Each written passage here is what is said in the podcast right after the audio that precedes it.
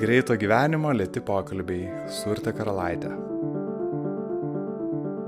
Sveiki, aš esu Urte Karalaitė ir jūs klausote podcast'o Greito gyvenimo lėti pokalbiai, kuriame su įvairiais pašnekovais tyrinėjom vidinį žmogų. Tikiu, kad vieni iš kitų galime žymiai daugiau išmokti nei tik iš vadovėlių ir įvairiausių teorijų. Nežinau, ar su tuo sutiktų šio epizodo pašnekovas, kurio galvoje teorijų tikrai nemažiau nei gyvenimiškų patirčių. Kaip ten bebūtų, esu tikra, kad jis nebijotų man paprieštarauti, nes kaip jis pats sako, diskusija prieš priešas ir keliami klausimai jau gina ir veda pirmin. Su tuo aš negaliu nesutikti, nes mūsų pokalbio metu tuo dar kartą įsitikinau. Šiandien mano svečias - fotografas Imantas Selenis. Tai jau entasis fotografas podcast'e. Tačiau aš šitai net netkreipiu dėmesio, nes man asmenybės svoris žymiai svarbiau nei pasiekimai ar profesija. Matyt, fotografų gretose yra nemažai stiprių asmenybių. Jei norite išgirsti dar daugiau pokalbių su įdomiomis personomis, prisidėkit prie podcast'o kūrimo jį paremdami. Tai galite padaryti patreon.com pasvirasis brūkšnys lėti pokalbiai. Prie augančios Patreon rėmėjų kompanijos prisijungė Kotarina Laučytė, Sigita Simona Paplauskaitė ir Donatas Zazirskas. Ačiū Jums už palaikymą, man tai tikrai labai svarbu. Dar be galo dėkoju savo nuolatiniai garso konsultantai ir pagalbininkiai Katai Bitoft. Na ką, šokam į pokalbį su Įmantu. Jo gilyje tikrai nėra dugno, ką jau ten kalbėti apie ribas. Gerą klausimą.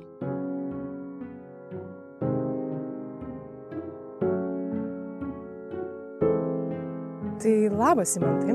Labas. Aš e, prieš susitinkant klausiau tavęs, apie ką tau būtų įdomu pakalbėti. Ir tu paminėjai keletą na, sričių, netgi filosofiją, kvantum fiziką, kosmologiją. Ir aš pagalvojau, o geras, kaip įdomu. E, reikia man dabar pasigilinti ir galėsim pakalbėti plačiau. Tavo Facebook profilyje radau daug visokių nuorodų įdomių ir keletoje aš absoliučiai nieko nesupratau. Absoliučiai. Ir man čia buvo labai keistas jausmas ir jis nėra labai fainas. Čia dėl to, kad aš neaiškiai rašau. ne, ne, aš, ne, aš čia, čia būtent kalbu apie kažkokias nuorodas į kažkokius ja, ja. straipsnius. Čia aš tai žinau, kad aš turiu įdingą suvokimą, kad aš turiu viską suprasti ir man labai nepatogu ten būti. Tai man įdomu, ar tu atsiduri tokiuose situacijose, kur tu, nu, va, tikrai nuoširdžiai tavo galva nesuvokia va šitos informacijos ir kaip tu jautiesi juose. Dabar bandau atgaminti kažkokią situaciją. Faktas, kad kai tau kažkokia nepažįstama yra aplinka, tu atsiduri toj nekomforto zonai. Bet man atrodo, iš gyvenime tiek kartų esu atsidūręs toj nekomforto zonai. Ir apskritai galbūt mano asmenybė tokia yra, kad aš save mėgstu įstumti į nekomforto zoną, nes aš nepernešu rutinos. Tai aš jau moku, tiksliau mano kūnas ir protas moka reaguoti į tą situaciją. Tai labai susikaupiu ir pabandau suprast. Skiriu savo laiko tam, kad suprasčiau. Man patinka nu, kažkaip suprasti labai daug skirtingų sferų dalykų. Ten, kur aš ieškau ir įkvėpimų, kur tau ir surašiau.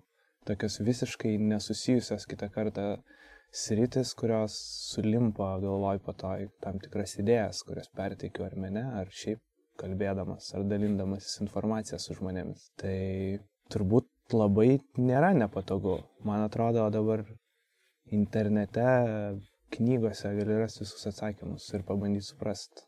O jeigu nesupranti, padiskutuoti. Bet iš esmės vis tiek neįmanoma yra, na, ar šitose sritise, žinai, kažkaip uh, suvalgyti visą tą informaciją ir kaip tu, pavyzdžiui, santykiauji su tuo ribotumu e, na, mūsų smegenų. Žinoma, kad galima visą laiką pasidomėti ir dabar yra visos galimybės e, maksimaliai išsiaiškinti, bet ar, ar tu gali kažkaip prisipažinti savo, kad vat, aš negaliu, žinai, savo ribų, rėmų. Jo, jo, faktas. Tai čia toks uh, su ego turbūt yra santykis nes tas žmogaus norėjimas absoliučiai žinoti viską, tai man atrodo, čia antropologijos mokslas labai geras yra. Tas rytis, kur e, viską suprasti, tai e, aš savo tai pripažįstu, aš e, visą laiką kažkaip galvoju apie save kaip apie vidutinį žmogų ir jaučiuosi gerai tame. Aš nenoriu būti geriausias, man tie epitetai atrodo yra dabartiniai visuomeniai ir dabartiniam pasaulyje labai įdinga praktika būti geriausiu kažkurioje srityje. Na, toks labai pareigojantis dalykas. Aš mėgstu pasilikti savo laisvės. Šiek tiek nežinoti, šiek tiek atsitraukti, pabūti kažkur, pastebėti aplinką, galbūt negalvoti. Šiaip mokiausi to tokio net kažkada buvimo ir nieko neveikimo. Tai toks meditatyvus reikalas. Galbūt dėl to ir miestą pradėjau fotografuoti ir atsitraukiau nuo žmonių ir nuo informacijos. Išėjau į tylą tokią. Tylą paminėjai, tai tavo e, tylos seriją e, pristatydamas, aš paskaitysiu gal net e, sakinį, kurį tu esi parašęs.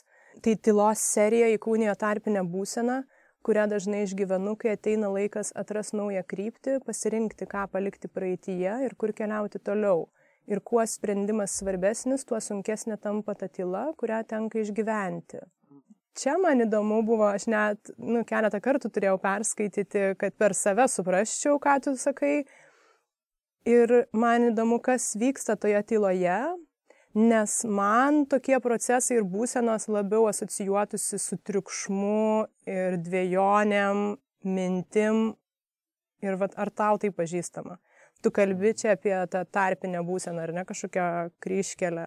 Taip, nežinau, čia geriausias artimiausias pavyzdys kažkas manęs paklausė, kaip jaučiuosi po parodos, kai uždariau parodą jaučiausi labai nepatogiai, nes atsitiko va, tas tylos momentas, kai reikia nuspręsti, o ką daryti toliau.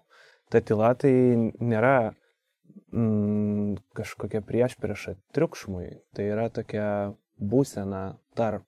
Tyla tai tiesiog man daugiau yra toks kažkoks, ar tai susikaupimas, ar tai tokia daugiau būsena pilna visko. Tokia va sekundė prieš pasirenkant kelią čia daugiau laiko savoka, o ne garso ir kažkokios materialios išraiškos. Na, nu, aš suprantu, aš be abejonės irgi triukšmą irgi ne, ne, ne tą tiesioginį, bet tu sakai, aš taip įsivaizduoju, kad tai yra tam tikra ta tarpinė būsena, tam tikra tuštuma, kažkokia, kažkokių konkretumų galbūt nebuvimas, bet tu sakai, kad pilna visko, tai ar tai irgi yra kažkoksai dviejonės diskusijos vidinės, Nu, aš įsivaizduoju, kad tyla dažnai būna pilna visko, nes apskritai nei smegenys yra sutvertos būti tyloje. Yra toks net, nežinau, žaidimas, jeigu taip galima pasakyti, pamėgink tyloje, pabūti visiškoje tyloje, tu išgirsi tokį mažą spengimą. Tai mūsų kūnas yra sutvertas taip, kad uh, jisai negali būti tyloje. Buvo ir eksperimentas žmogaus, man atrodo, internete visos vadinasi toks kanalas ir jisai tris dienas pabandė būti tyloje ir nieko neveikdamas. Tavo kūnas tiesiog neišgali būti toje būsenoje ir jam reikia kažko tai. Arba tada tu nori veikti kažką galvodamas ir projektuodamas į ateitį, arba tu pradedi kapstytis per kažkokią atmintį, bet tu nuolatos veiki kažką ir generuoji kažkokią informaciją. Tai ta tyla tokia yra, man atrodo, nerimo būklė žmoguje, kur atsitinka labai daug dalykų ir prasideda vat, nuo tos tylos, nuo tos kažkokios nerimo būsenos, vat, man ta tarpinė būsena turbūt tai reiškia, kad a, nuo jos atsispyręs tu kažkur pajudi.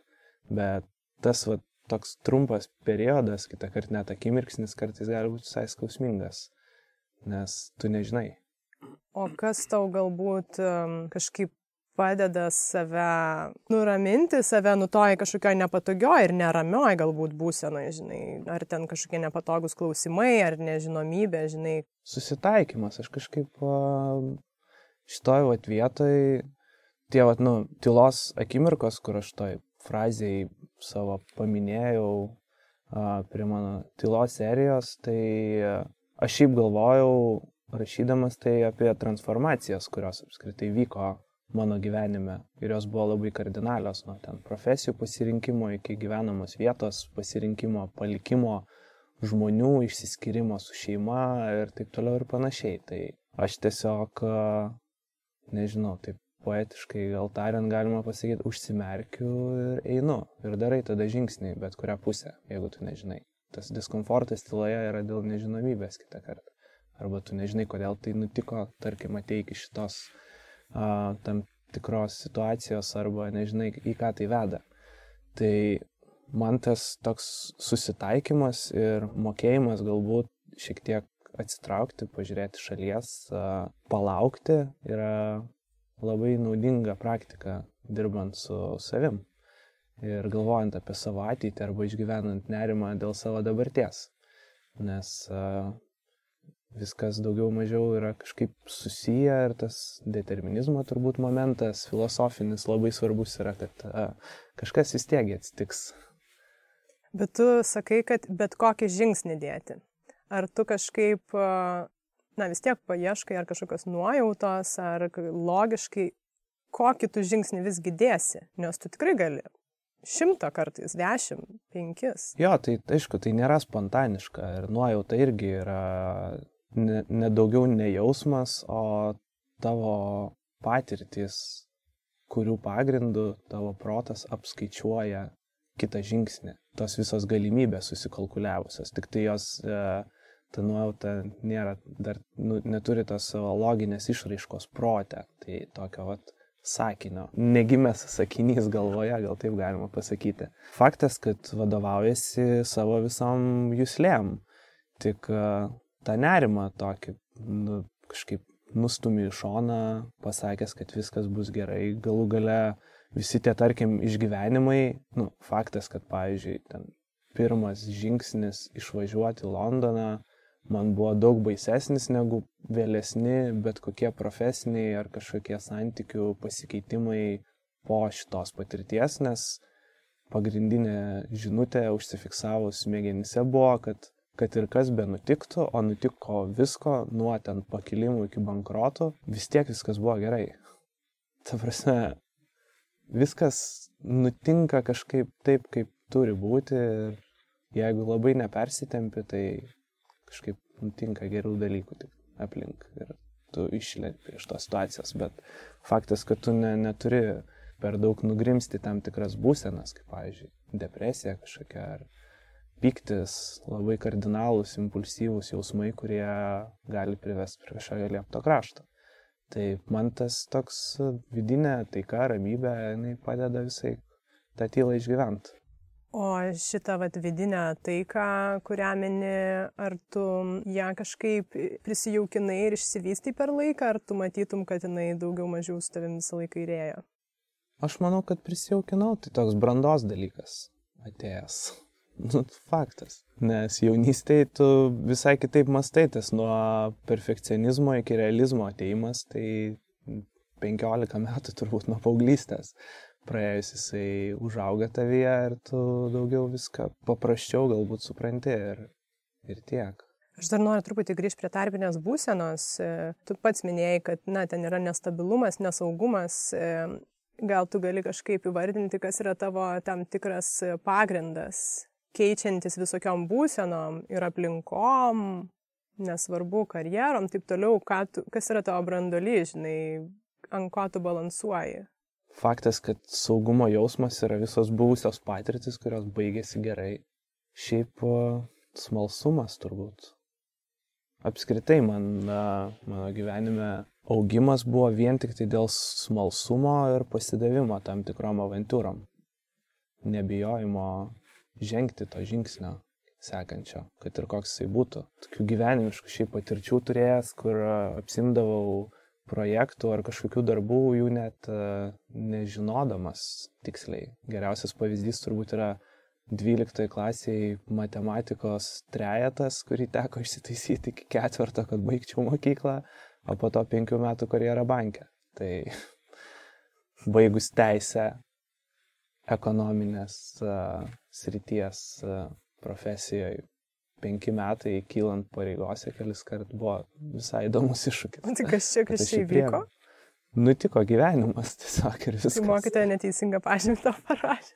Ne, man tiesiog buvo neįdomu ir tiek. Aš įsivaizduoju, kad šiaip apie švietimo sistemą galima labai daug kalbėti, tai jinai nepritaikyta yra skirtingom asmenybėm, Galbūt aš tuo metu buvau kažkokioj savo išgyventoj keistoj paauglystėje, kur tingėjau tiesiog, nes kažkas sakė, sakė, berniukai tai visai, kad tą tinginystės momentą išgyvena. Gal ir tiesa, nežinau, neturiu kažkokių didesnių pamastymų link ten, Bet tai krūva dalykų, kodėl man vienas dalykas labiau patinka, o kitas ne. Kita kartą net tie dalykai, kurie tau labiau sekasi, tau jie pradeda labiau patikti, nes tavo smegenys gamina endorfinus ir skatina tave rinktis vieną, o ne kitą dalyką. Po to supratau galų gale, kad nu, tam, kad vykdyčiau savo pareigas bankė, man aukštosios matematikos nereikia ir šaknų traukti nereikia, technologijos tau padeda susivokti, ko tau reikia, tai būti, mokėti, tai tiksliau prisitaikyti, būti smalsiu, logišku, nu tas intelektualumo momentas gelbsti vis tik, nes aš mokiausi eigoje.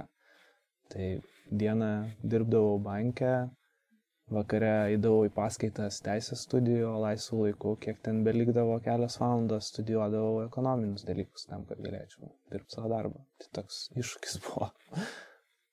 Pasitikėjimas savim. Nes, nu tai, ką tu mini, smalsumas, drąsa, ypač dėti kažkokius, nu visiškai naujus e, žingsnius į ypač kažkokias rytis naujas. Nes tikrai yra, žinai, žmonės, kurie, kurie visada pasirinks lengvesnius, saugesnius pasirinkimus tam, kad jie jaustųsi komfortabiliai ar ne, ir, ir iš dalies galbūt dėl to nepasitikėjimo savo. Taip. Kas irgi gal klaidinga, bet kaip tu tą matai? Nu, čia terapeutai geriausiai atsako šitos klausimus, sėdint vienas priešais kitą. Tai faktas, kad tai yra tas pasitikėjimas savim, tai jo atvirkštinė būsena yra nesaugumo jausmas, nepasitikėjimas savim, baimės, o baimės kyla iš ko, iš kažkokių neigiamų patirčių. Tai čia toks nuolatinis darbas su savimi. Aš manau, kad aš tikrai mažiau pasitikėjau savim prieš 15 metų ir žymiai labiau pasitikiu savim dabar, nes turiu krūvelę kišeniai sėkmės istorijų, kurios man įrodė, kad e, aš galiu padaryti vieną arba kitą dalyką.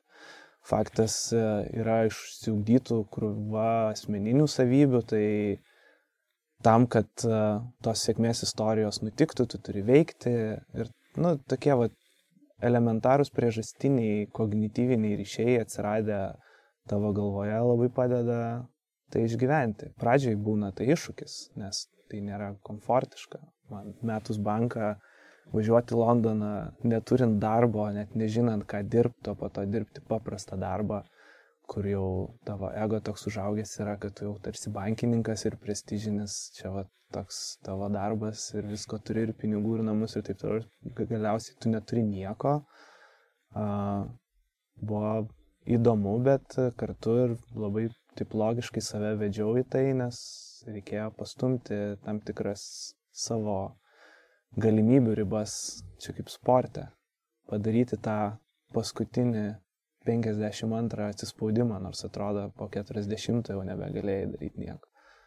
Kalbėdamas apie savo kūrybą, mini tokius raktažodžius kaip susipriešinimas, kontrastai, dviprasmybės Ir jeigu svarstai, kad miestas yra žmogaus atspindys, galbūt jeigu kūryba būtų tavo, ar tavo asmenybėje šitie raktažodžiai kažkaip irgi veikia? Mano mokymosi procese turbūt ir pažinime. Iš tiesų labai labai daug supratau dalykų atsiradus konfliktui, atsiradus kažkokiam dvilipiškumui, net ir tavo tylos tas momentas, tai yra, kai tu prieini kažkokį tai nežinau, kelio išsišakojimą, tu turi šiek tiek sustot, pagalvot, pabūt su savim ir tada nuspręsti. Tos priešpriešos konfliktai ir visa kita, man atrodo, man padėjo aukti. Pažiūrėjus net į pasaulio istoriją, tai yra karų istorija, kažkokia, kažkokių jėgų susidūrimų, ideologinių susidūrimų ir tas augimas vyko faktiškai dėl šitų visų konfliktų konfliktas ir tos priešpriešos man nėra negatyvūs žodžiai. Man tai yra toks įdomus dalykas. Net kažkada savo draugų šnekėjau apie determinizmą, man atrodo. Aš kažkaip jam bandžiau prieštarauti, nors aš uh, tikiu tais pačiais dalykais, bet uh, kai vėliau mes pašnekėjom ir pasakiau, kad nu, jis išsiaiškino, kad aš irgi tikiu tais pačiais dalykais, man jie atrodo logiški ir uh, labai normalus. Jisai sako, taigi tu netikėjai. Bet, nu, tada aš jam išdaviau tą savo paslapti, kad man patiko tiesiog jam prieštarauti vardan diskusijos, nes tokioje diskusijoje gimsta dar daugiau įdomesnių idėjų ir galų gale tu dar labiau ir geriau įsisavini tam tikrą informaciją, jausdamas kontrastą. Tas ir iš komforto zonos išėjimas ir savęs stumimas į kažkokius naujus dalykus, tai yra tavo prieš, prieš tau pačiam. Nes kūnas labai įpranta ir protas prie komforto, prie ritmo ir tokių dalykų. O man labai įdomu tai daryti. Dėl to net pastebėjau tokį atsikartojimą, kad kas du metus pas mane kažkas keičiasi gyvenime. Labai nuo profesijos ten ar gyvenamos vietos iki kažkokių žmonių ir panašiai. Ir e, kartais gal tai ir nėra gerai, kai pagalvoji, nes jau mano protas yra įpratęs kažko naujo siekti, kas tą patį laiką iš esmės aš pastebiu. Tai, bet gal tai esu aš. Tu paminėjai paralelę su, su karais ir, ir istorija ir čia gal būtų įdomu, aš įsivaizduoju, kad, žinai, yra asmenybės kažkokia raidoj, niekas nesivysto taip, kad ne, tu, tu tiesiog tu nesivystai, jeigu eini kažkaip lygiai ar ne, tos mm. kryškelės ir va tie karai ir kažkokie tai taškai, kurie viską pakvestionuoja ar tave suka į kitą pusę visą laiką yra. Tai čia gal truputį susišaukia, e, taip pat e, tavo Facebook'o sienai radau e, labai šarmingo filosofo Alexander Bard TED Talką. Jo marškiniai beje buvo tokie patys, pastebėjai, ar ne? Yeah. Juodi su baltais burbuliukais čia patikslinu. Mm -hmm. Ir jisai sako ten vienoje vietoje, kad filosofija pridaro problemų, o, o mokslas jau tegul sprendžia. Tai čia gal susišaukia truputį su tavo kūrybą, nes man tai pasirodė, tu keli klausimus ir diskusiją ir paskutiniai parodoji tą patį minį. Tai kodėl tau norisi tas bangas kelti? Nu, visų pirma, tai man kūryba niekada nebuvo noras pasirodyti, nebuvo kažkoks noras sukurti daiktą tam, kad sukurčiau daiktą. Apskritai, kai kažkada pažvelgiau į tai, ką aš kūriau ir perbėgau per savo nuotraukų archyvą, tai ta kūryba yra visiška manęs tuo metu refleksija. Mano savijautų, mąstymo kampų ir taip toliau ir panašiai. Ta pati mano Silence tylos serija yra labai nemažai nuotraukų, kurios yra visiškai vienodos. Ir vien tik tai dėl to, kad aš tuo metu, kai jas dariau, turbūt patirdavau tam tikrą savo artimą ir nesvetimą būseną, kryškelės kažkokios, ar ten pasimetimo, ar, ar šiaip galbūt net tos gerosios tylos tokio susitaikymo ir taip toliau ir panašiai. Tai e, man tai yra pažinimas ir e, visų pirma, tai mano tas smalsus protas keliauja į kažkokią problemą, kurią aš atrandu ir aš pabandau su ją pažaisti. Ir man įdomu tada pasidalinti Ir tam, kad aš pažinčiau labiau ar pasitikrinčiau tą idėją, man įdomios yra žmogaus reakcijos. Dėl to mano nuotraukos niekada nėra apie objekto atvaizdavimą arba dokumentališkumą nuotraukos kaip tokią nu, savybę. Aš daugiau galvoju apie vaizdus arba galvoju, kaip tie vaizdai veikia žmonės. Ir tai yra pažinimo įrankis. Aš manau, kad ta kūryba irgi, vat, kaip sakėjai, filosofija kuria problemas, o mokslas tegul tai išsiaiškina. Tai mano ta racionalioji pusė yra ir ta meniškoji. Aš su menu sukūriu kažkokių idėjų ir problemų, o po to tą savo racionaliąją pusę man labai patinka viską sudėlioti į stalčiukų sistemas ir tai pateikti ir pasižiūrėti, kas bus. Tai toks nuolatinis mano dvilypiškas gyvenimas turbūt ir vyksta nuo nežinau, meno iki mano darbo. Čia paminėjai kaip tik va, tą tikslėje savo pusę. Ir aš tą gal irgi pastebėjau, kad pas tave daug analitiškumo ir tokio loginio išmastymo.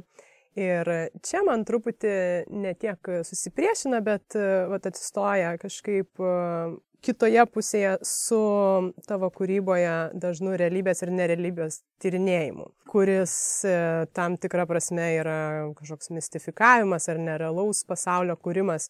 Tai man čia įdomu, kodėl tau tai yra patrauklu, va, tas kažkoks šiek tiek mistinis e, pasaulis ar būsenos kažkokios ir e, kaip tas dvilipiškumas tavo čia veikia.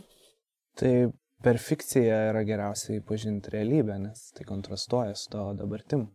Tas pats pavyzdys Havajų nuotraukose, mano paskutinės parodos yra pasimta manipulacijos technika vien tik tam, kad žmogus apmastytų, sugrįžtų galbūt net kažkokią lokaciją ir pabandytų pažiūrėti į tą savo realybę. Tai fikcijos šiuo atveju yra tam realybės pažinimui ir kažkaip tas dvilipumas toks padeda suvokti labiau. O galiu truputį paplėtoti, nes man atrodytų, kad, na ir iš, pavyzdžiui, istorijos arba antropologijos žiūrint, norint suprasti realybę, reiktų, žinai, kuo kažkaip giliau, atidžiau ją stebėti, o tu žiūri į kitą pusę. Čia gal tada reiktų apsibriežti, kas yra realybė. Ir ar religija yra realybė, ar žmonių pasakojimai ir mitai yra realybė istoriniai faktai, kurie yra realūs ir tikri, kurie nėra tikri. Ir čia daugiau postmodernistinės filosofijos idėjos ir šitoj vietoj gal artimiausias yra Bodriaras ir jo simulakrų teorija, kad žmonės linkia kurti tas nerealybės. Jis labai uh, įdomiai analizavo Ameriką, kaip uh, ten veikia, pavyzdžiui, Disneylandas. Ir labai jam buvo gera alegorija tos alternatyvios realybės arba kitos dimensijos, kurią susikūrė žmonės tam, kad grįžę namo jie jaustųsi gerai čia ir dabar ir tokioj vat visiškai tarsi realybėje, nes Disneylande viskas yra labai sukurta, netikra, daug fantazijos elementų ir kažkokiam kitokiam pasauliu pasijauti. Nors, kaip jis teigia, kad net ir Amerika grįžus namo yra tik dar viena nerealybė su savo politinė sistema, ideologija ir visko, kuo, kas įtakojo tos žmonės ir kūrė jų asmenybės. Tai e, klausimas, kaip tą realybę atrasti. tai aš bandau kažkaip kontrastuoti, nu faktas ten, mano ta pati paroda, tai buvo tiesiog elementari realybė, tai buvo materiali tų pastatų, kurie įkrauti tam tikrom ideologiniam idėjom, materiali jų išraiška nuotraukoje atvaizduota. Šiuo atveju pabandžiau sukurti vaizdą tokį, kuris atrodytų beveik realus ir keltų tokį kažkokį vidinį klausimą. Labai taip sudėtinga turbūt e, tiesiai ir atsakyti, nes aš turbūt nežinau, kas yra realybė, dėl to aš jas ieškau, kurdamas kažkokius kontrastuojančius momentus ar galvodamas apie kažkokius keistus e, dalykus ir fikcijas. Na, realybė gali būti ir ta, tu paminėjai Disneylandus, e, yra tikrai žmonių, kurie renkasi ir nebūtinai Disneylando plotmėjai, bet susikurti kažkokią savo kitokią realybę ir iš tiesų iš jos niekada neišeiti. Toks tam tikras bėgimas nuo neaišku, kurios realybės, nes tu, tavo sukurta, na, ypatingai Japonijoje tą galima pastebėti, kad tu susikuri realybę ir visiškai jinai yra, jinai yra tokia, tu esi, nežinau, personažas. Religija, krikščionybė yra tas geras pavyzdys čia Lietuvoje net nereiktų ieškoti. Na, Lietuvoje švelniai dar gal nepasireiškia. Jo, bet daugiau gal čia apie konkrečius asmenis ir kažkokią tai aplinką, kurią tai pastebėjau, bet e, tai va tos realybės paaiškos visą laiką, man atrodo, buvo filosofų taikinys. Ir e, daug yra pamastymų šią temą. O kas tau yra realybė dabar? dabar šitam kontekste turbūt uh, juokingiausia būtų paimti ir kur nors išskrist per langą supermenai. Man realybė gelbėt pasaulį. Nežinau, re, realybė kažkokia rutina. Aš čia dabar. čia toks, uh, man gal irgi daugiau atsiriamintis dalykas į mažiau kažkokią materialią, bet uh, išraiška ten savęs ir aplinkos, o daugiau kažkokią laiko savoką. Kad ir kas bebūtų, aš esu čia ir dabar. Tai va, yra realu, kas vyksta. Viskas, kas yra nerealu, yra likę arba už tavęs, arba suprojektuota kažkur į ateitį. Tai ta akimirka. Dar truputį parbėgsiu e, prie paskutinės tavo parodos, kuri yra labai vientisa ir tu pats sakai, kad ten labai daug sąsajų. E, jinai toks yra, galima sakyti, nedalus e, kūrinys vienas ar ne. Ir pasakojai apie netyčia nutikusias sąsajas tam tikrą prasme ir močiutės piešinys. Tai truputį tu jau palėtėjai tą, na, čia ir determinizmo turbūt būtų.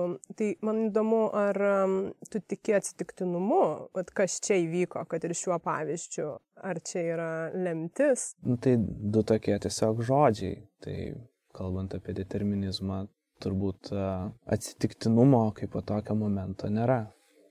Tai yra priežastis ir pasiekmė.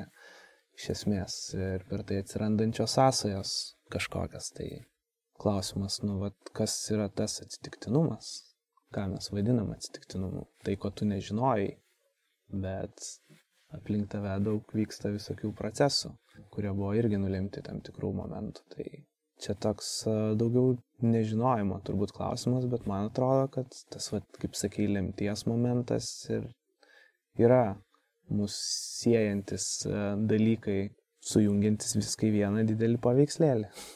Tai iš esmės tu tiki, kad vat, tas na ir šiuo atveju, ar ne, turėjo susijungti.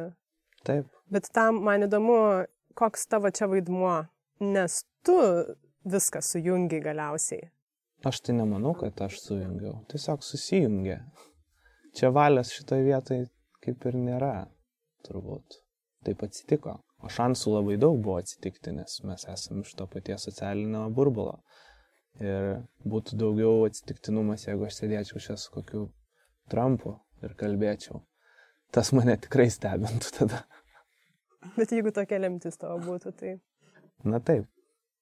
Visai ką galima pabandyti. Reiktų tik tai apgalvot kažkokius žingsnius, kur galbūt susivestų tie atsitiktinumai į vieną kelią ir susėstume kartu su juo.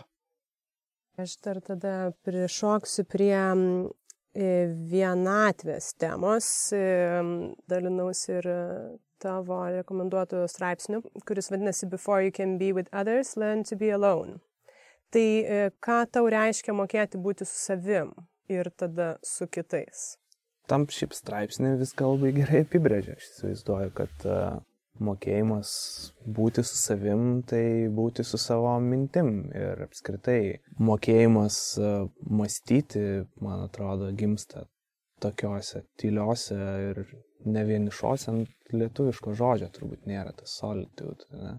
Tai čia yra vienatvė. Vienatvė, gerąją prasme. O loneliness yra vienišumas. Nu jo, tai turbūt taip. Jeigu kalbam apie vienatvę, nu, buvimą vienumoje. Taip. Tas mokėjimas būti savim ir nutinka vienatvėjai. Man tai jis toks, nu, svarbus apskritai kaip asmenybei momentas yra, nes uh, tu tenai esi mažiausiai įtakojamas kažkokios aplinkos. Ir žmonės ypač dideliuose būriuose yra linkę elgtis taip, kaip būrys padiktuoja. Daugiau impulsų kažkokių atsitinka. O vienatvėjai labai daug įdomių savo viduje išgyvenimų gali patirti ir kažkokių tai suvokimų. Man tai yra labai daug. Ir aš mėgstu būti vienas. Labai nemažai. Nejaučiu to diskomforto buvimo vienam.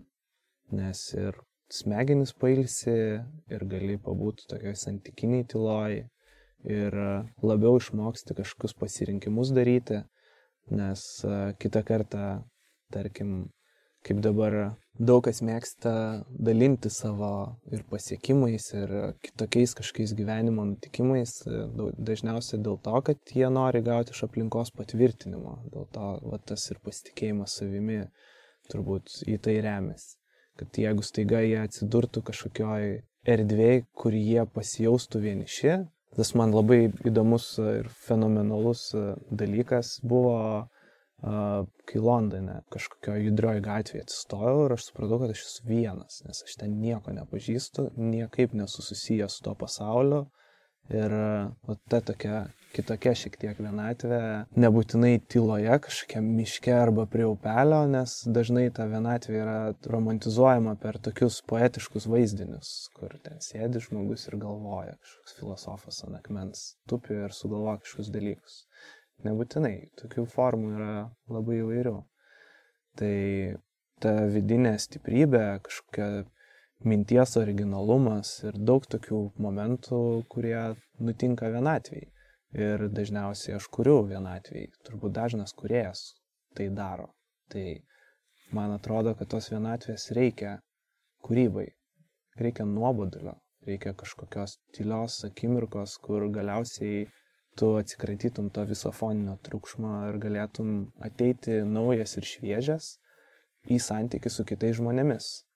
Labai šiaip geras pavyzdys buvo, kurį atsimenu iki šiol, kai klausė Svetbanke, kai tik pradėjau dirbti banke, buvo tokios kaip po karjeros dienos ar kažkaip vadinosi ir buvo klausimas personalo vadovo, kas formuoja organizaciją, ar žmonės, ar pati organizacija. Ir po to nukeliavom apskritai į tokią kaip ir filosofinę mintį, nes darėsi tyrimą, kad pačioje organizacijoje žmonės įvardino, kad jų artimiausių draugų ratą sudaro jų bendradarbiai. Buvo toks iškeltas augimo klausimas apskritai. Tai bankas tuo metu pradėjo personalo prasme stagnuoti nes e, visos patirtis buvo uždarytos vat, šitam banko atmosferos kažkokiam burbule, būtent tose ribose. Žmonės neišeidavo kažkur kitur, nepasimdavo naujos patirties ir neatsineždavo jos e, į organizaciją. Tai toks, e, man atrodo, minties pratimas gali būti, kai tu pagalvoji, ar tu nesi užsidaręs kažkiam burbule, pažįstamų žmonių, tų pačių idėjų, kurios tau yra labai patogios, kalbėti tom pačiam temom, eiti tos pačias vietas, vakarėlius ir taip toliau ir panašiai. Ir tu nebegali galiausiai aukti, pradedi jausti nerimo kažkokį. Tai, tai vat, tas vienatvės toks atsiskirimo momentas yra labai svarbus. Šį naudoju nuolatos. Tiesiog tai yra savotiška transformacija. Ir kai tu pats keitiesi, tas ta tokia banali, nuvalkėta frazė pradėk nuo savęs, jinai visai referuoja tai, kad pradės nuo savęs, tu gali takoti labai teigiamai ir savo aplinką ir padaryti tą pasaulį geresniu.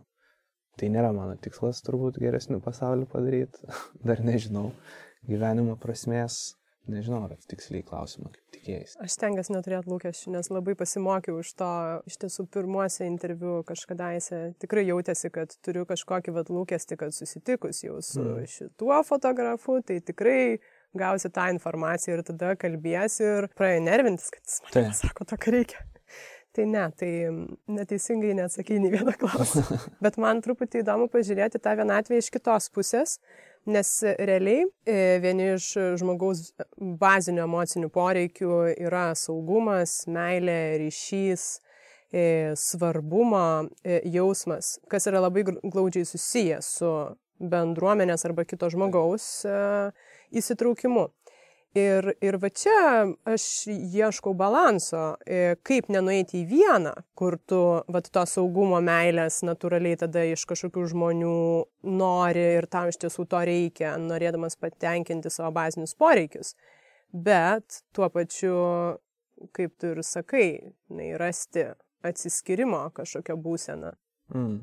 Nes tu negali turbūt emociškai sveikas būti visiškai atsiskyręs. Čia mano prielaida.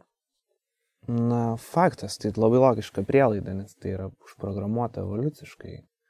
Žmonės, kurie anksčiau nepriklausydavo jokiai grupiai, jie tiesiog negalėdavo išlikti gamtoje, nes jos suvalgydavo kas nors, arba jie nukrisdavo nuo olos, susilaužydavo koją, negalėdavo paeiti, niekas jiems nepadėdavo. Tai čia kaip, man atrodo, Rolandas Maskuliūnas gerai pastebėjo apie mūsų dabartinius žmonės, kad mes esam keli milijonai metų evoliucijos ir keli tūkstančiai tik tai metų kultūros. Ir tie vat, tokie diskomfortai ir atsitinka, kai mes pabandome prieštarauti tiem savo baziniam poreikiam. Tai aš labai sutinku, kad vienatvė nėra kažkokia nuolatinė vienatvė ir neįgymas savo aplinkos. Tai vienatvė tiesiog tu labai individualiai turbūt pajauti, kada tu nori pabūti vienas. Aš turėjau intensyvų mėnesį, bent du, kur jau kur, kur laiką praleidau daugiausiai bendraudamas su žmonėm, aš pajaučiau, kad man reikia atsitraukti, aš savaitę pabuvau vienas. tada pasilgau vėl žmonių.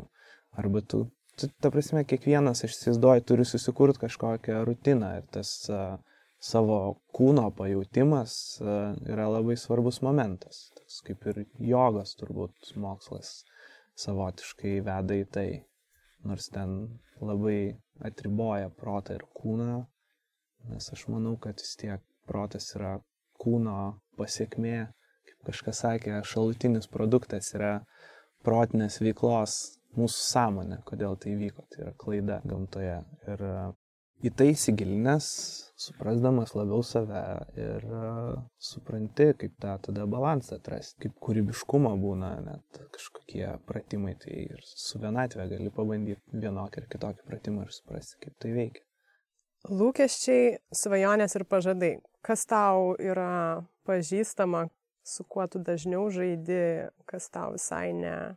Pažadai čia toks neigiamas momentas, turbūt ne. Kodėl?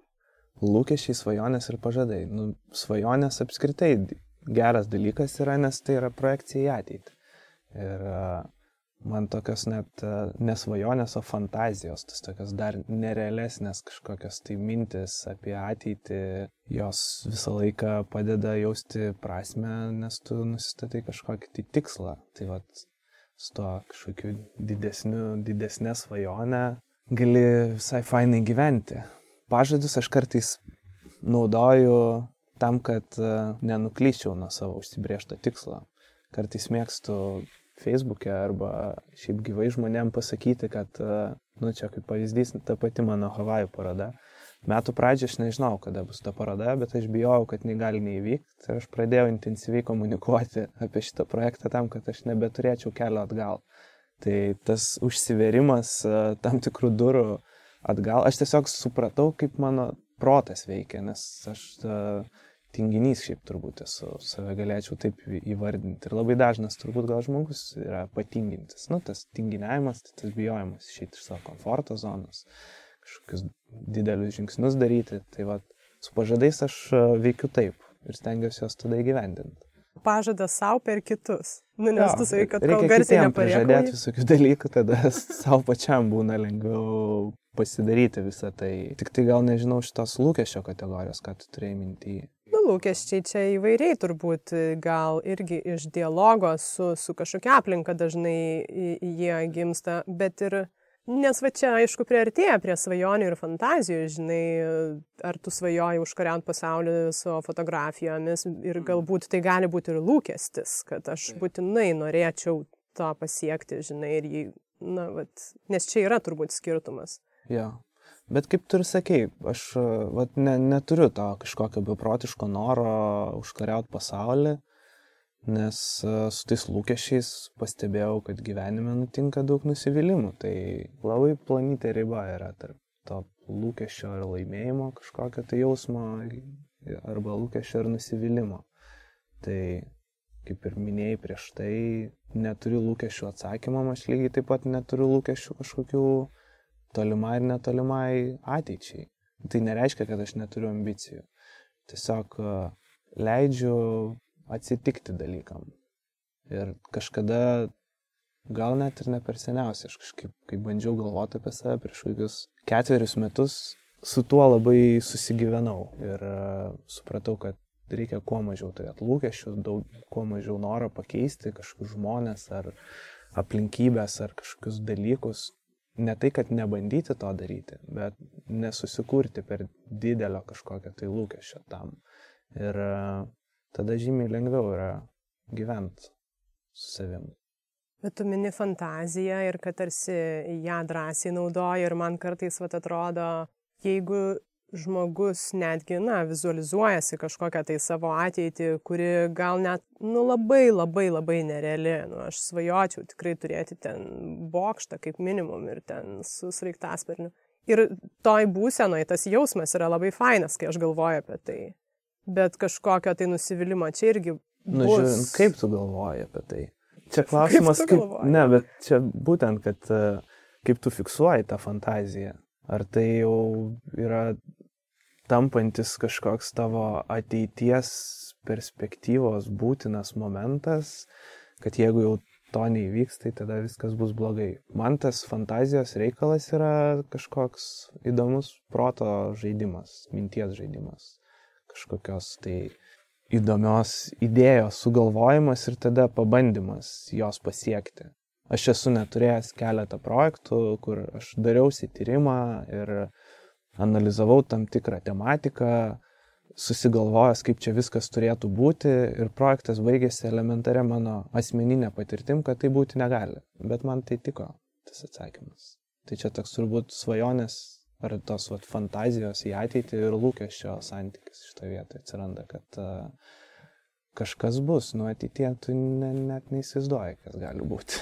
Tiek daug visko gali pasikeisti ir nutikti, kad uh, tiesiog tą momentą galima palikti kaip fainą kažkokią tai emociją tam kartui, tam, kad tu geriau jaustumės tą dieną, nežinau, arba sugalvotum kažką labai nerealaus, bet uh, su lūkesčiu, kad tu galbūt galėsi tik 50 procentų to pasiekti, bet tai bus kažkoks įdomus kelias. Tai toks, nu, mano ta mintis tokia labai liberali yra. Aš nežinau, gal aš ego neturiu kartais pagalvoju. Gal aš netinkamas žmogus kažko pasiekti. Toks vidutinybė. Tikrai kartais ateina tokios mintis, nes aplinkui visi ir daugelis komunikuoja apie savo sėkmės istoriją, savo mąstymo kampus, kaip jie ten sportuoja ir pasiekia daug dalykų ir kaip viskas yra faina ir taip toliau ir panašiai. Ir aš kažkaip nemėgstu to. Bet ar nėra taip, kad tas komunikavimas yra truputį susijęs su tuo patvirtinimu, kurį tu minėjai ir kažkokiu savo nesaugumo, nu, savo vertės ar ne, kažkokių tai taškų rinkimas. O tada įdomu, kaip tu, nu, nebūtinai viešumai ir visai gal ne tam, o savo, savo kažkokią ar asmeninę sėkmę matuoji pagal ką.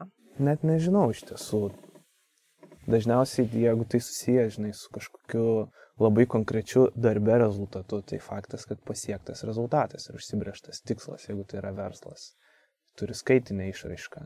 Jeigu tu galvoji apie meną, tai labai dažnai, kadangi man svarbus yra atėjęs ir į parodą ir pamatęs mano darbus žmogus, tai jo bet kokia kažkokia reakcija arba nauja mintis gimusi jo galvoje. Tai aš turbūt tai skaičiuoju kaip kažkokią sėkmę. Tai kiekvienam skirtingam atvejui tu susikuri tą sėkmės matavimo algoritmą kažkokį. Tai tik tai suprasdamas, kad viskas gali labai įvairiai pakrypti, tu susitaikai su bet kokiam galimybėm. Tas turbūt mano analitiškas mąstymas ir suvokimas įvairių išeities taškų man padeda nusiraminti ir taip paprastai gal žiūrėti tą gyvenimą ir į kažkokius baises ateities perspektyvas. Tu dabar gerai jautiesi savo šitam taške? Aš manau, kad gerai. Man atrodo, kad, nu, kaip ir viskas sekasi toks net kartais ateina siaubas į galvą, kad jo kažkas toj tada turi nutikti. Bet yra tas toks žmogiškas momentas, kad nu jau čia kažkas toj tikrai nu, nutiks, toj čia kažkas pasikeis. Aš tiesiog supratau, kad atleidęs vadžias ir mažiau uh, norėdamas kontroliuoti aplinką, aš nebepatiriu tų duobių, nes iš esmės ne tai, kad nebepatiriu, aš jas patiriu, bet aš jų nebeišgyvenu taip. Ir dažniausiai va, tas nelaimės momentas yra, tai daugiausiai tavo emocinė reakcija, kuri tave nuvaro po to į kažkokią dar didesnę duobę arba kažkokią depresiją labai gilę, iš kurios tu nebegali išsikapstyti reakcija į aplinkos kažkokius taip. veiksmus, kurių tu negali. Nes viskas nutinka tavo galvoje iš esmės. Nu taip, tu sureaguoji į... Taip. Čia, nu jo, mintis, protas. Žmonės šio laikiniai į paprastus dalykus sureaguoja labai stipriai vien tik dėl to, kad, kaip ir minėjau prieš tai, keli milijonai metų evoliucijos, dabar modernioji mūsų kultūroje visai nedaug tų metų lyginant su tuo, kaip mūsų kūnas mokėsi ir smegenys mokėsi reaguoti aplinkos dirgiklius, tai labai dažnai tos aštras reakcijos nutinka, nes žmogus per daug emocionaliai sureaguoja į paprastą daiktą, o smegenys tai atpažįsta kaip pavojų gyvybei. Ir tie, vat, pavyzdžiui, nerimo priepoliai, kurie yra padažnėjęs kvėpavimas, širdies ritmas, adrenalinas užplūdęs kūną. Jisai yra visiškai fundamentaliai skirtas tam, kad tu pabėgtum nuo žvėries arba nuo kažkas gyvybei sudėtingos situacijos. Tu dažniausiai sėdi prie kompiuterio ir skaitai blogą komentarą apie save. Ir tu nesugebi įgyvendinti kūno užduotos reakcijos, nevyksta metabolizmas ir tu apalpsti dėl per stiprios chemijos susimaišysios tavo kraujyje ir negalinčios kažkaip išsisklaidyti energijos pavydalu. Tai vad nutinka žmonių galvose. Ir šitoj situacijai galvoje čia ateina kažkokia mintis, kuris sukelia Taip. tą emociją Taip. ir tada tą nervų sistemos Taip. turbūt ar ne reakcija. Bet mūsų smegenys negali atskirti, kas yra realu, kas nėra realu. Ta mintis gali atrodyti labai realus pavojus smegenims. Ta mintis, kad vat, jisai manęs nemėgsta. Jo, kad, nu, nu va, viskas. Arba dabar jau čia viskas blogai. Aš čia padariau kažkokį labai blogą žingsnį, dėl ko iš aplinkos gavau mažai patvirtinimo, daug kritikos, aš to čia prarasiu savo pozicijas bandoje žmonių grupėje, mane išmes ir taip toliau ir panašiai. Ta mintis labai paprasta, jinai turi labai gilius vidinius, pasamoninius irgi paaiškinimus ir priežastinius ryšius. Galbūt tas minties paprastumas šiaip užsirašius ant lapo gali atrodyti labai kvailas, bet tavo kūnas sureaguos labai stipriai dėl to, kad tu viduj pasąmoningai susiprojektavęs esi, kad šita klaida gali tau kainuoti tiek daug, kad tu to įmirsi. O smegenis labai paprastai tai sureaguoja. Tada. ir tu sėdi ir tada tikrai pradedi bijoti savo kūno reakcijos ir tada, tada tikrai pradedi galvoti, kad tu to įmirsi, nes prarasi kontrolę savo sąmonės ir tai dar užsisuka į dar įdomesnį tokį nerealybės ratą, dėl ko žmonės patiria tas panikos atakas. Šiaip e, domėjausi šito labai nemažai, tai labai įdomus momentas yra. Kaip kūnas, protas, kaip mintis paveikia mus. Tai va, užsirašyti mintį ant lapo, atsitraukti, pažiūrėti šalies labai padeda. Tai lygiai taip pat su savo sėkmėm ir nesėkmėm. Bet pagauti save tais momentais, žinai, mes kalbame apie tokius momentus, kai karštus, Tai nėra tiesiog, žinai, aš sėdėjau prie lango, žiūrėjau pro langą ir mačiau paukštelį ir užsirašiau mintį, matau paukštelį ir, ir save pagauti tame momente emocinėme, nes jau mm. mintis būna spėjusi jungti emocijas ir užsirašyti yra turbūt labai sunku, na čia yra samoningumo lavinimas turbūt. Jo, tai atsitraukti šį pasivaikščioti yra labai daug technikų atsitraukimo, tas užsirašymas yra vienas iš būdų dažniausiai su obsesiškom mintim kovojant, kur tavo protas sako, kad tu esi nevertas kažko, kad tu esi nevykėlis, kad tau nesiseka ir panašiai. Kai tu pradedi suvokti, kad tu nekontroliuoji minčių, nes žmogus labai apie save galvoja kaip apie vienalytę asmenybę, o mažų mažiausiai ten yra du žmonės viduje. Kaip gerai, ačiū, kad patvirtinai jo, kad ne, ne, ne pas mane viena. Tai čia pas visus ir tai yra mokslo įrodyta. Mūsų abu pusrutuliai skirtingas funkcijas atlieka ir kitą kartą. Eksperimentai su žmonėmis, kurių buvo pusrutuliai atskirti tam dėl tam tikrų medicininių priežasčių, ten lygų ir panašiai. Ir su jais eksperimentai buvo daromi ir tai buvo įrodyta. Ir galų galę tos pačios mintis e, kylančios tavyje yra kažkokie neuroniniai procesai, kurie sukelia kažkokius tai reakcijas ir tau ateina tada mintis, kad oi čia dabar aš kažkoks esu labai negeras žmogus prieš miegą, pavyzdžiui, kai atsiguli ir toj tyloj pasėdi. O tau padeda tas vat, supratimas, ypatingai jeigu dar pasigilini į, na, kad ir proto, minčių veikimo sistemas, mm. kai tu supranti, kaip šitie varšteliai vat, sukasi ir tu atpažinę save, nes jeigu tu leidi savo tekėti ir čia reaguoti, ir čia verkti, ir riekauti, nu, nes mm. taip vat, mes veikiame, kad tas supratimas labai padeda, ne? Taip, taip, labai padeda. Aš nu, turiu dvi pusės šito momento. Kažkada supratau, kad uh, tuos vat, mechanizmus, kaip veikia kūnas, kas yra mintis ir kaip čia viskas dėliojasi, tai man suteikia daugiau a, galimybių ir būdų kontroliuoti save ir suvokti save tam tikrose situacijose, emocinėse būsenose ir taip toliau ir panašiai. Kita vertus, su šituo dalyku mirė visa romantika apie žmogų. Tai kartu ir tikėjimas siela, tikėjimas pomirtiniu gyvenimu ir visais kitais momentais, nes aš kažkaip galvoju, kad žmogus toks robotiškas dalykas yra.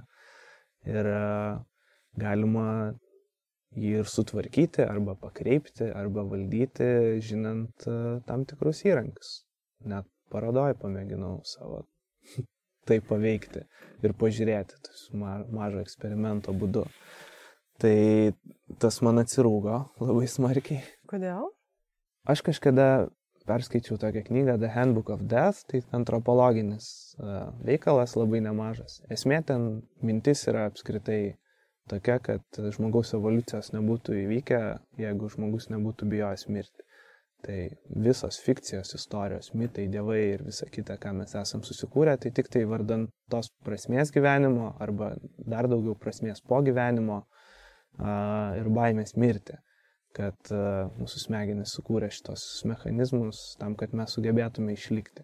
Po to, kai beždžionės mūsų išvarė iš medžio ir mums teko baisesniam gyvenime. Iš tiesų, tas, tas tikrai lėmė ir yra teorijų tam tikrų, kad gentainiai mūsų, kurie buvo fiziškai stipresni, toj uh, kasdieniai kovoje išvarė žmonės iš medžių, jie pradėjo vaikščioti ir ieškoti maisto labai pavojingose zonose, stepėse. Dėl to jie turėjo daugiau galimybių mirti, dėl to atsitiko tas bendruomeniškumo ir bendradarbiavimo momentas, visas kognityvinę visą revoliuciją.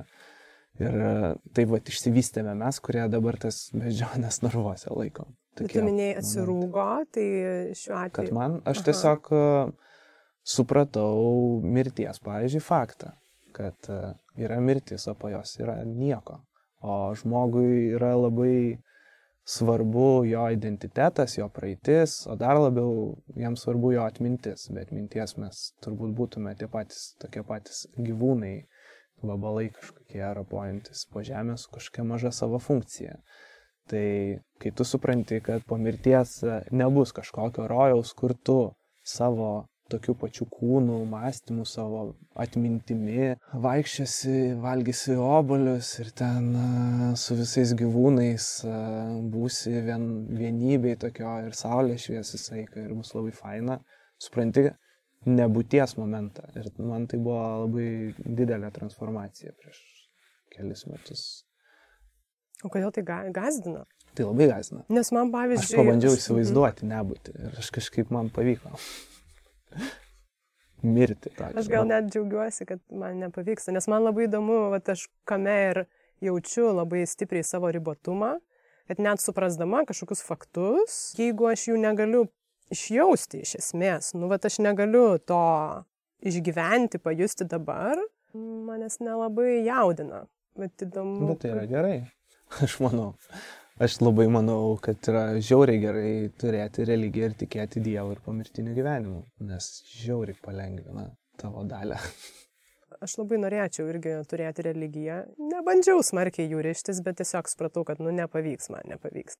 Nes ten iš tiesų yra tiek daug saugumo. Jo, rėmų ir, ir pagalvių apkamšyta, ar ne, kad, kad e, dėl to galbūt žmonės visais laikais ir, ir desperatiškai ir grėbėsi, nes tau ir motivacija, tikėjimas, viltis, viskas vienam pakete ateina. Tai padėjo žmonėm sukurti didingus dalykus, nes padėjo jiems dirbti vardant didesnio tikslo kažkokią tai. Tai tas va didesnis tikslas yra momentas, bet uh, aš nesakau, kad man labai sunku gyventi su šitą mintim. Man tuo metu buvo labai sudėtinga, nes aš apskritai buvau auginamas kaip katalikas ir mažas skaičiau Bibliją ir tikrai ten žiauriai domėjausi ir mačiutė vedžioja mane į bažnyčią ir taip toliau ir panašiai. Dabar aš labiau gal tapau ramus uh, dėl to, kad uh, supratau, kad taip yra. Ir tas mano tikslas daugiau yra ne gyventi dėl rojaus, o kuo naudingiau, geriau, įdomiau patirti šitą gyvenimą, kuriame aš esu labai trumpą laiką. Ir tas turbūt kūrybinis momentas mano yra tai palikimas po savęs. Tai va tas pomirtinis gyvenimas ir nutinka, žmonės tampa amžini tik tai kitų žmonių sąmonėse. Tai tas va toks noras išlikti turbūt ir atsispindi mano kūrybai. Ir tai tampa mano religija savotiška. Aš palieku artefaktus ir visokius momentus ir mintis po savęs. Tu dabar ir kalbė apie tą vat, gyvenimą, gyventi. Ir čia paskutinį klausimą nuo Patreono remėjo noriu įterpti, kuris, kuris labai čia tinka. Kada tu jautiesi labiausiai gyvas? Tas labiausiai gyvas man su tokia energija dažniausiai susiję. Tai čia prasmės momentas turbūt yra. Kažkas arba kas labai prasmingo nutinka, arba kažkas labai naujo ir įdomaus. Tai tada esu gyvas kažkokioj kelioniai, kažkokioj naujoj įdomioj pažintyje, kažkokioj naujoj idėjai, kurią aš galiu perteikti savo kūrybą. Tuo metu tu ir tavo smegenys išleidžia labai daug energijos ir tokios, kuri tave labai įkrauna ir tada tu nori visko dalintis ir jautiesi labai laimingas ir visoks koks. Nėra lengvas turbūt klausimas, bet aš taip dabar spontaniškai pagalvojęs, įsivaizduoju tada, kai jaučiuosi labiausiai energingas ir ten po to susijusios visokios emocijos, patyrimai. Turbūt tai tie. aš linkiu tau šitos gyvasties ir matuojant savo sėkmę pokalbių, aš visą laiką vertinu pagal tai, kiek man naujų minčių kyla, tai sproginėja smegenys dabar truputį, jaučiu savo ribotumą. Ačiū. Ačiū tau. Įdomus klausimai buvo. Pats irgi turiu apie ką pagalvoti. Iš tiesų, tai, kaip ir minėjau, ta diskusija labai svarbi yra. Tiek man, tiek ir kiekvienam žmogui. Gyva diskusija. Tai ačiū, kad pakvietei. Ačiū, kad klausėtės. Po tokio pokalbio tiesiog nebeturiu ką pridurti, todėl paliksiu jūsų smegenis viena savo sproginėti. Tik paminėsiu, kad epizodo apraše pastabų skiltyje sudėjau visus pokalbio metu minėtus faktus, knygų, kanalų pavadinimus ir panašiai. Jei norėtųsi labiau pasigilinti į tai, ką minėjo pokalbio metu Imantas. Nepraleiskit naujų epizodų sekdami podcastą Instagram ir Facebook paskiruose arba prenumeruodami jį. Primenu, kad prisidėti prie podkasto kūrimo galite patreon.com pasvirasis brūkšnys lėti pokalbiai. Auginkim save ir dar geriau, auginkim be baimės, nes taip tiesiog įdomu. Su jumis buvau aš, Urte Karalaitė. Iki kitų kartų.